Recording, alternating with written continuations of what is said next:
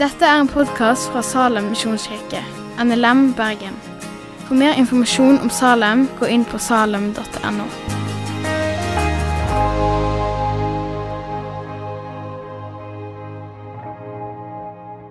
Herre Jesus, takk for Thomas. Takk for at du har vært med han i forberedelsene sine. Jeg ber om at du skal komme og la din vilje skje nå. Fortell ditt budskap. Gi oss ditt budskap, dine ord. Og som sitter og lytter, gi oss å ha åpne ører og åpne hjerter til å ta imot. Kom og utfordre oss, eller trøst oss, eller gi oss noe av det vi trenger i dag. Trenger nå, Herre. Det ber jeg om i ditt navn. Amen. Amen. Amen. Vær så god. Tusen takk. Eh, ja, som sagt, eh, jeg heter Thomas. Eh, jeg eh, har bodd her i Bergen nå i over fem år. Eh, jeg eh, er 31 år eh, og jeg jobber som noe som heter bioingeniør. Erfaringen er at ca. halvparten vet hva det er, og halvparten har ikke peiling hva det er. Før jeg begynte å studere, så var jeg en av de som ikke hadde helt peiling. Men jeg jobber på laboratoriet oppe på Haukeland og analyserer prøver.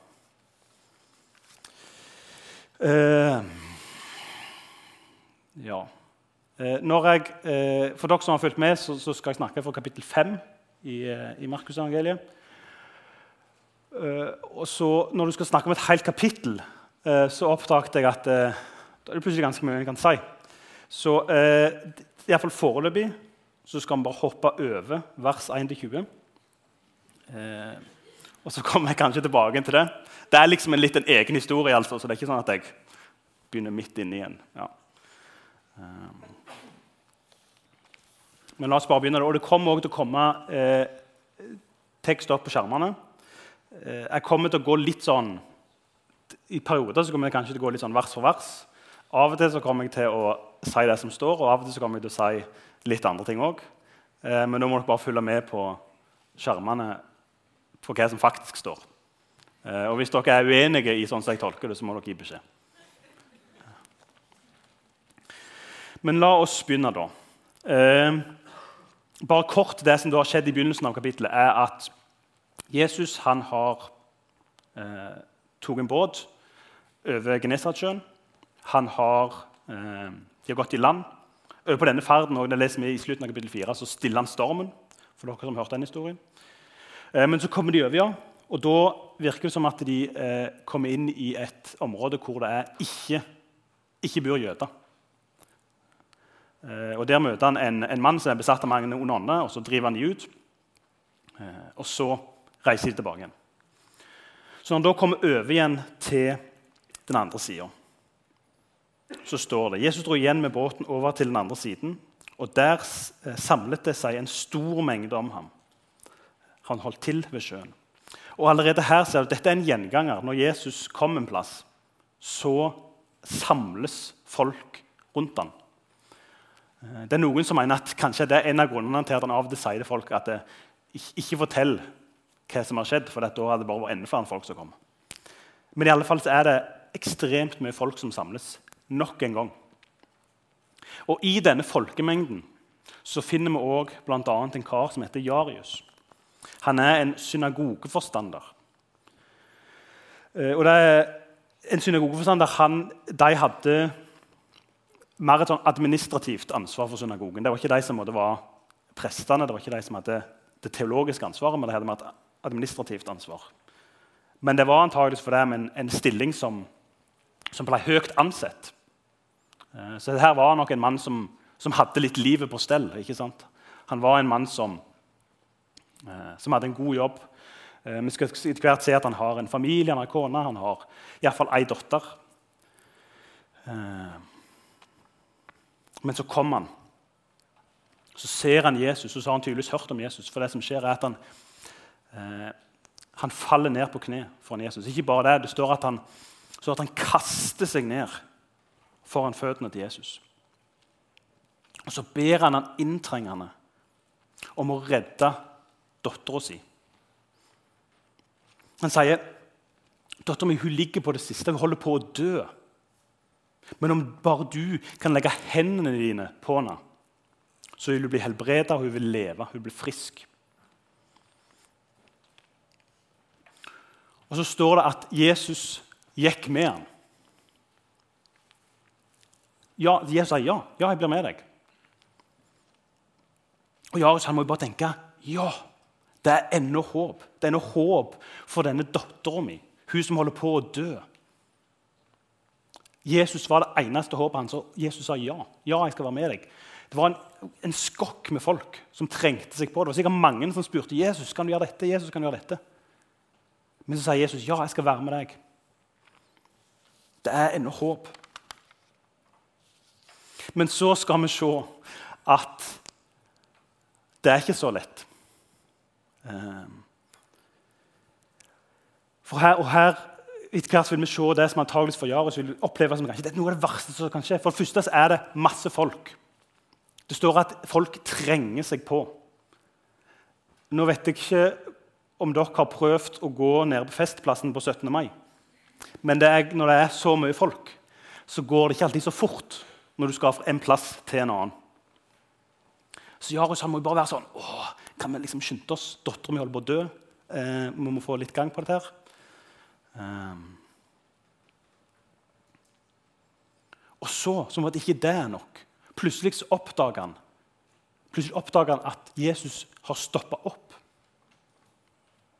For det som vi kan se, er at i denne folkemengden så ser vi bl.a. fra hvert 25 at det, det var òg en kvinne der som hadde hatt blødninger i tolv år. Hun hadde vært behandlet av mange leger og lidd mye. Og alt hun eide, hadde hun brukt til å bli hjulpet. Det var heller blitt verre med henne. Hun hadde hørt om Jesus, og nå kom hun gjennom mengden og rørte ved kappen hans bakfra. For hun tenkte om jeg så bare får røre ved klærne hans, blir jeg frisk. Med en gang stanset blødningen, og hun merket at hun var blitt helbredet for plagen. Um, så her er det ei dame som har hatt blødninger i tolv år. Det er ganske lenge, det.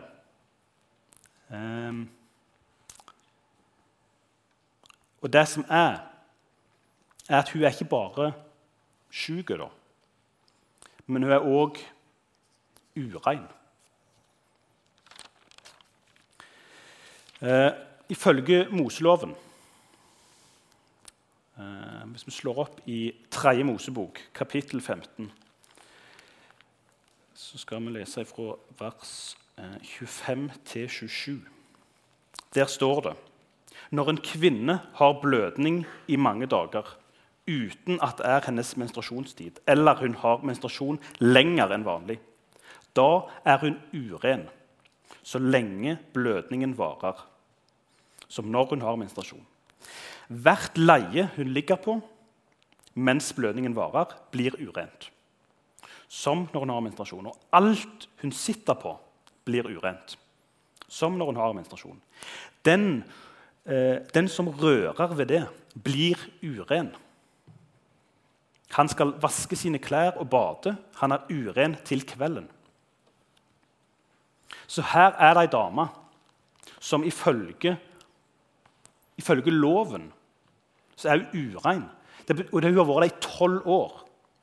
Når du var urein, da kunne du bl.a. ikke komme inn på tempelplassen. Du kunne ikke ta del i, eh, i fellesskapet. Eh, og antageligvis etter tolv år så har nok mange av de som kanskje til å begynne med sto nær. Hver gang de er med henne, så må de kanskje tenke ok, eh, har, har jeg rørt på noe som hun har rørt på. Eh, og hvis de gjør det, så ok, nå må jeg liksom må jeg gå gjennom en hel renselsesskikk eh, og, og, mange sånne ting. Så dette er antakelig en kvinne som, som, har levd et ganske ensomt liv. Og hun har, Vi leser at hun har, hun har prøvd i tolv år. Hun har gått til ulike leger. Hun har, hun har brukt alle pengene hun har, for å prøve å bli frisk, for å prøve å bli kvitt disse blødningene. Men ingenting har hjulpet. Det står om noe så har hun bare blitt verre i løpet av disse tolv årene.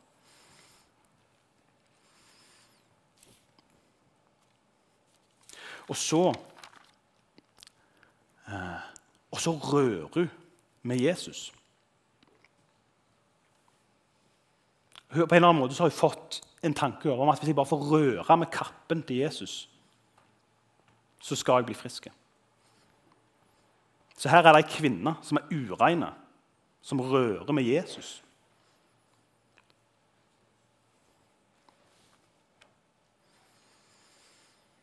Og så I vers eh, 30 så ser vi videre hva Jesus gjør.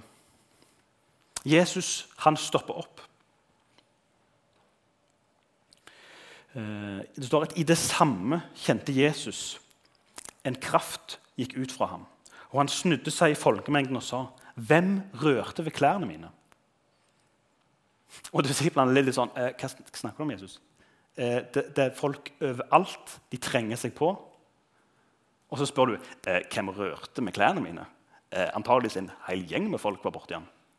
Eh, men så gir han seg ikke. Jo, nei, hvem, hvem gjorde det? Og, og denne kvinnen hun har jo antageligvis håpet at jeg kan på en måte røre jeg kan røre med han, og så, eh, og så kjenner vi blir friske. Så sånn, ok, nå bare prøver jeg å liksom, lure meg vekk her. Eh, men Jesus tillater det ikke. Og til slutt så står det at hun kommer, hun kommer skjelvende fram. Eh, kvinne, I vers 33 står det kvinnen skalv av frykt, for hun visste hva som var skjedd med henne. Og hun kom og falt ned for ham og fortalte ham alt som det var. I en annen oversettelse står det jeg har ikke sjekket hvilken oversettelse vi her engang, men, men i en annen oversettelse står det hun forteller hele sannheten.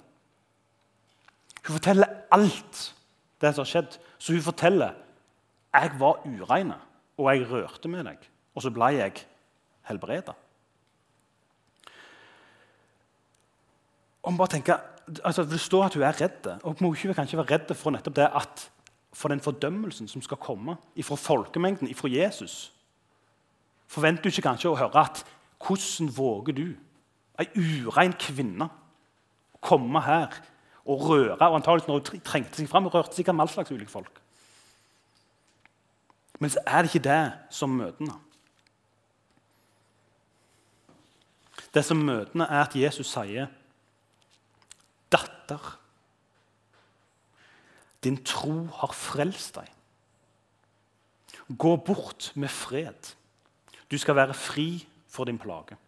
I vers 34.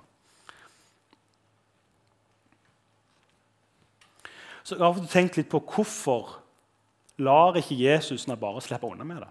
Hvorfor tar han ikke eventuelt bare liksom, gir han et anerkjennende nikk? Ja, jeg, vi to vet hva som har skjedd, men jeg, liksom, jeg lar deg forsvinne i mengden. Istedenfor så, så tvinger han jo mest til å komme, til, til å komme opp og på en måte må fortelle hele denne folkemengden hva som har skjedd. hva vi har gjort. Jeg tror at kanskje kan det handle om at han ønsker å understreke både det at det ikke er selve denne berøringen. Det er, ikke, det er ikke det at Jesus har magiske klær. Det er ikke det som har gjort at du har blitt friske. Det er ikke det som har gjort at du har blitt helbreda. Det er ikke, det er ikke kvinners tro på at klærne funker, men det er hennes tro på Jesus. Det er Jesus som har gjort henne rein.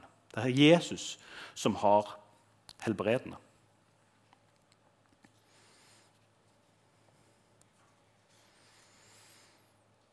Så istedenfor å møte ham med, med kvasse ord, så møter Jesus ham med ord som, som datter. Han sier, 'Trua har frelst deg'. Gå bort med fred.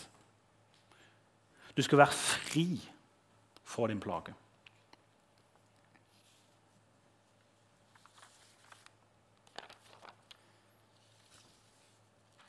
Men la oss nå vende oss tilbake til, til han her Jarius.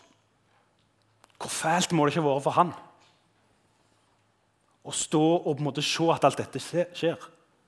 Her, han har ei datter som er akutt syk, som holder på å dø. Og så har plutselig Jesus stoppa opp for å snakke med de i, i, i folk, noen, folk, altså noen folk. Han har stoppa opp, ikke, ikke, bare det, men etter hvert så hører han jo, Jarus må jo sikkert høre den historien til den dama. Jesus har stoppa opp for, å, for en eller annen ureine kvinne. Eh, hun var syk i tolv år. Kan det være han tenkte kunne du ikke ha venta to timer til? Hvis du har vært syk i tolv år, så, du, så vil en kanskje si at du har en kronisk sykdom.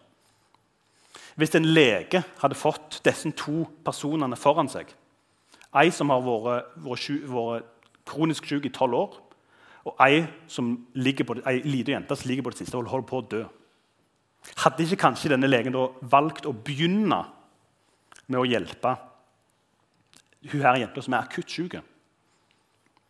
Så tror jeg det er veldig bevisst av Jesus at han ikke gjør det. og det skal jeg komme tilbake til.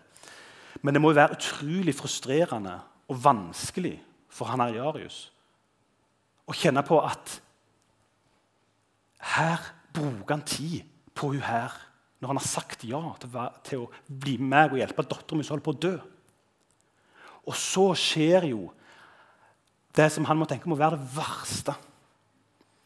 Plutselig så ser han at det kommer folk fra huset hans kommer de gående mot ham. Og så sier de Dattera di er død. I vers 34 sier han Da sa de eh, Nei, det som ikke hørte. I, eh, I vers 35 mener jeg. Unnskyld. Din datter er død. Hvorfor bryr du mesteren lenger? Det var jo så close. Jesus var jo på vei. Men, men så får han beskjed, får beskjed om at du er, dere var for seint ute. Det er for seint. Hadde dere kommet tidligere, så hadde det kanskje gått, men nå er det for seint.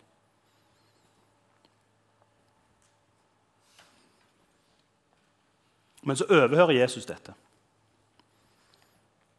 Og så sier han Frykt ikke, bare tro. Hva da? Dattera er ute. Og Så gjør Jesus det som kanskje Jarius skulle ønske at han hadde gjort med en eneste gang. Han viser vekk resten av folkemengden. Han sier dere får ikke lov til å gå med oss lenger. Og så tar han kun med seg Peter, Jakob og Johannes, Jakobs bror. Og så fortsetter de. Kunne du ikke gjort det litt før Jesus? Så hadde vi kanskje fått opp tempoet litt. Kanskje hadde vi rukket fram i tide.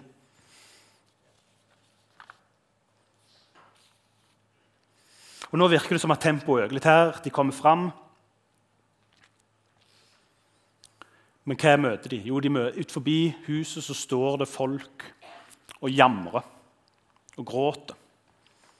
Jesus blir møtt av et voldsomt spetakkel. Og Så sier han noe som, som kanskje som jeg av og tenker at virker jo på en måte litt sånn Ikke frekt, men det er litt sånn Hvorfor står dere her og jamrer? Eh, hvorfor står dere her og griner? Hvorfor står dere her og sørger? Det er, noe, liksom, det er akkurat ei som er dødd. Det er jo på en måte forståelig hvorfor de sørger. Eh, så sier han jenta hun er jo ikke død. Hun sover bare. Og de ler jo bare av han. Det er liksom, hva er slags tulling? Men så viser han folket vekk. Og så går han inn sammen med foreldrene til denne jenta, Jarius og kona, eh, og disse tre disiplene som han hadde med seg. Så tar han barnet i hånda så sier han, 'Pike, jeg sier deg, stå opp.' Straks Straks reiste piken seg opp og gikk omkring hun var tolv år gammel, og, ble, og, de ble helt ute av seg av undring. Men han forbød dem strengt å la noen få vite om dette, og ba dem gi henne noe å spise. Eh, bare raskt angående dette med at de skulle gi henne noe å ete. Eh, mens jeg forberedte meg, så, så, så, hørte jeg at noen som, som mente om dette kunne være eh, noe som var med i historien, for at de som leste, de som leste denne historien, de som hørte denne historien, skulle forstå helt sikkert at denne jenta som var død, hun var virkelig stått opp. Var, det, var, det her er snakk om en kroppslig oppstandelse. Hun var ikke bare noe, ikke liksom et spøkelse, hun var ikke, det var en slags åndelig ting, men var, hun var død, og nå er hun helt levende igjen. Eh, jeg synes også det er interessant at Hun har tydeligvis vært syk, vet ikke hva hun var syk med, men tydeligvis så syk at hun døde. Eh, men straks så står hun opp og bare går rundt. Eh, dette ser vi òg i et annet tilfelle hvor det er en som har vært lammet hele livet. Så blir han helbreda. Så hopper han rundt og danser og uh,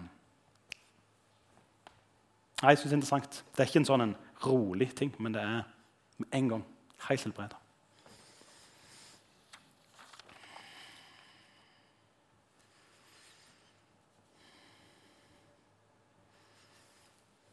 Jeg syns det er interessant eh, å merke seg og helt hva, helt hva, det betyr, vet jeg ikke, men, men, men interessant å merke seg at denne jenta hun var tolv år gammel. Kvinna hadde vært, hatt blødninger i tolv år. Eh, nå er tolv det er jo et tall som vi ofte finner i Bibelen. Fort så er det ikke helt tilfeldig. Um, men uansett så, så, tenker jeg at det peker noe om, om noe av alle de tingene som disse to tilfellene har til felles. Først kan en se litt på, på disse to ulike folka som møter Jesus. Han ene, Jarius Det er, også interessant å se at hun kvinna hun, hun blir aldri presentert med navn. Men Jarius han er for navn og tittel du har en mann som er på en måte, som, som antakeligvis lever etter loven. En gudfryktig mann. Eh, en mann som, eh, som har livet på stell. Og så har du denne kvinna som, som er, har vært urein i tolv år. Denne kvinna som, eh, som, godt kan være at jeg har blitt pressa ut av samfunnet etter hvert fordi det er ikke plass til henne. Men når de kommer framfor Jesus så er de plutselig like. I begge tilfellene så står det at de går ned på kne for Jesus. De sier, uavhengig av sosial status, uavhengig av alle disse tingene Jeg trenger at du griper inn nå, Jesus. Jeg trenger deg. Du er mitt eneste, mitt siste håp.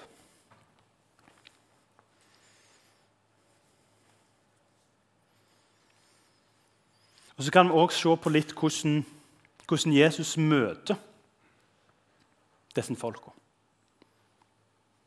Jeg synes Det er interessant å se hvordan han møter dem der de er, i den trua de har. Han sier ikke Når Jarius kommer opp, så sier han ikke du, du kan bare ta en bete av kappen min og så bare legger du den på dattera di, og så blir du frisk. Det funka jo for, for denne kvinna. En annen plass så kan vi til og med lese om at det er en, det er en offiser som kommer og så sier han til Jesus jeg har en tjener som er syk. Kan, kan, du helbrede han? Så sier Jesus ja, ja, jeg kan være med deg. Så sier nei, nei, nei, du trenger, ikke, du trenger ikke være med meg. Bare, bare si ordet. Bare si at han skal bli frisk, så blir han frisk. Og Så sier Jesus det, og så blir han frisk. Men her òg, han møter ikke Jarius med å si at Nei, du, jeg trenger ikke være med deg. Jeg kan bare si at dattera di blir frisk, så blir hun frisk. Men han møter de der de er. Jeg tror ikke at kappen til Jesus tviler på at den hadde noe mer helbredende kraft enn kappen til noen andre. Men det som jeg tror skjer, er at, som Jesus sier, det er at de tror har frelst deg. De tru har helbredet deg. De setter sin lit til Jesus. Og derfor så møter han dem der. Ikke bare det, men han går, han, det virker som han går ett steg videre. Med, med denne kvinna så ikke bare helbreder han sykdommen, men han han gjør er rein. Og ikke bare gjør er rein, men han, han, står foran hele denne folkemengden. Og Mange av dem kan godt være vet hvem hun er. Og så sier han til alle denne dama hun er nå rein. Hun er nå eh, Hun er ikke bare helbreda, men hun er rein. Hun kan nå være, være en del av av, eh, av gudstjenestene. Og, eh, og med Jarius, og det tror jeg er kanskje en av grunnene til at, til at Jesus lar seg distrahere, er fordi at ikke bare helbreder han, ikke bare gjør han frisk, men han vekker meg opp fra de døde. Han viser at ikke bare har jeg, bare har jeg kraft til å helbrede sykdom, men jeg har kraft til å vekke folk opp fra de døde. Han sier ikke bare har jeg kraft til å helbrede, men jeg har kraft til å gjøre folk rene. Vi ser en annen historie med Jesus hvor, eh, hvor en kar som heter Lasarus, eh, ligger og er syk, holder på å dø. Søstrene eh, sender ord til Jesus og sier du må komme. Han holder på å dø. Og så står det at Jesus ble der han var, i to dager til før han reiste. Og På denne tida har Lasarus dødd, eh, men Jesus vekker han opp igjen. Det virker nesten som at venter han sånn at Sånn at han kan vise at ikke bare har jeg kraft til å gjøre det som dere ber meg om, men jeg har kraft til å gjøre enda mer.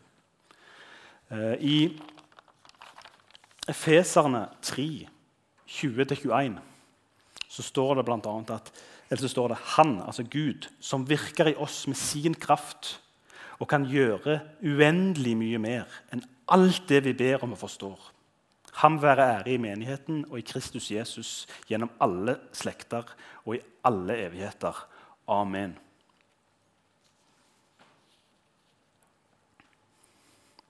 En ting som jeg, har, som jeg av og til syns var vanskelig i en av disse historiene, er hvordan det av og til virker som at Jesus kobler tru opp mot helbredelse.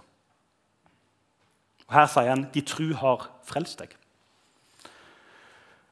Og så blir det sånn, men Betyr det at hvis noen søker forbønn fordi de er syke, og så blir de ikke helbreda, er det da fordi de ikke tror nok? Men er det ikke nettopp det noe av det som Gud, Jesus også viser her? At ikke bare har jeg makt til å gjøre det dere ber meg om, men jeg har makt til å gjøre enda mer. Og Nå skal jeg eh, raskt tilbake til den historien som jeg hoppet over i begynnelsen. Denne mannen som er besatt av denne mengden med demoner. Det står at det, det er, eh, De kaller seg legion, for vi er mange, sier de. Sier de. Um, hørte en plass at en romersk eh, legion kan være opp mot 6000. Om, om, om, om, han bruker, og disse ureine åndene bruker legion fordi de er mange, altså hvor mange de er, jeg har ikke peiling. Men det er iallfall mange. Um, det som er interessant i den historien, er at det er Iallfall det er det som står. Ingen som tror. Det er ingen som oppsøker Jesus og sier du, det er en kar her ute på gravplassen. Kan du hjelpe han? Vi, at, vi, vi legger vår tro i det. Se deg. Det er ingen, ingen familiemedlem av denne mannen. Mannen sjøl gjør det ikke. Disiplene sier ikke noe. Iallfall som vi kan se i teksten. Allikevel så griper Jesus inn og han driver alle disse ureine åndene ut. Så hvorfor Jesus helbreder noen Hvorfor av og til når folk ber om helbredelse, så blir de helbreda, mens andre ganger skjer det ikke? Jeg har ikke peiling hvorfor det er sånn. Kanskje er det både i forhold til helbredelse og generelt i møte med Gud så er det så er vi litt i en situasjon sånn som Jarius var. At vi står og bare Gud, Jesus, nå må du komme. Og så oppleves det som at han somler. Det oppleves som at han kommer aldri. Men, men til slutt Til slutt så kommer han. Og da gjør han mer, til med enda mer enn det, det vi kanskje ba om. Eh, jeg tror eh, jeg har eh, holdt på lenge nok, så jeg skal bare så jeg skal gå og begynne å prøve å lande litt. Men jeg har lyst til å, jeg har lyst til å invitere dere til å snakke litt om, det, om, som, om denne teksten etter møtet. Eh, snakk gjerne med de rundt dere. Eh, hvis dere lurer på ting, eller hvis dere er uenige med noe jeg sa, så kom gjerne og snakk med meg. Eh, hvis dere har lyst til å høre mer av hva jeg tenker om det der, de første 20 versene, så kom gjerne og snakk med meg. Um, men ja, men snakk gjerne om det. Jeg tror det er en, en god ting at vi, at vi snakker. Vi snakker om det vi hører, snakker om det vi lærer. Så bare helt til slutt eh, Er det noe vi kan ta med oss fra den teksten? Er det noe, er det noe av dette som, som, Hvordan påvirker dette våre liv? Um, og veldig kort så tror jeg kanskje at det er to ting. og Det ene er at uavhengig av hvor vi er i livet, uavhengig av om dette er første gangen din på et møte eller på en gudstjeneste, eller om du har, eh, du har gått i menighet fra du ble født. Uavhengig av om du har livet på stell eller ikke, så er vi alle velkomne framfor Jesus. Vi kan alle komme sånn som vi er. En annen ting er at vi òg alle, uansett hvor flinke vi er, så er vi alle nødt til å bøye kne for Jesus. Vi er alle nødt til å bøye kne. Eh, jeg vet ikke om eh, noen av dere har sett en serie som heter Game of Thrones. Der snakker de bl.a. om dette med 'bend the knee'. Og er ikke nettopp det at de bøyer kne? Og så sier de at den de bøyer kne for, du er kongen min, nå. du er sjefen min. nå. Jeg underlegger meg deg. Den andre tingen jeg tror vi kan se, er at det jeg snakket litt om tidligere, at Jesus han møter oss der vi er. Jesus han sier, 'Frykt ikke, bare tro'. Og Det kan av og til virke som at Jesus kan ikke somle eller bruke lang tid, eller en ser ikke bønnesvar. Men Jesus har kontroll. Og til slutt Jesus er i stand til å gjøre uendelig mye mer enn alt det vi ber om og forstår. Amen. Da kan eh, lovsangsteamet komme opp hvis dere vil. Så skal jeg bare be litt. Kjære far, takker deg for at du sendte Jesus. Takker deg for at, at du døde i vårt sted. Takker deg for at vi kan få lov til å komme framfor deg sånn som vi er og at du tar imot oss med, med åpne armer.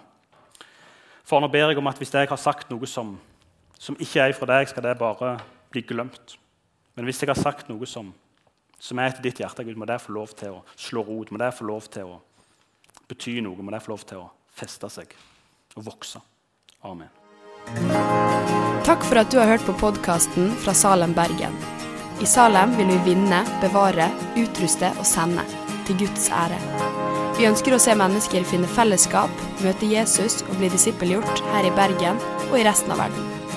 Vil du vite mer om oss, gå inn på salem.no.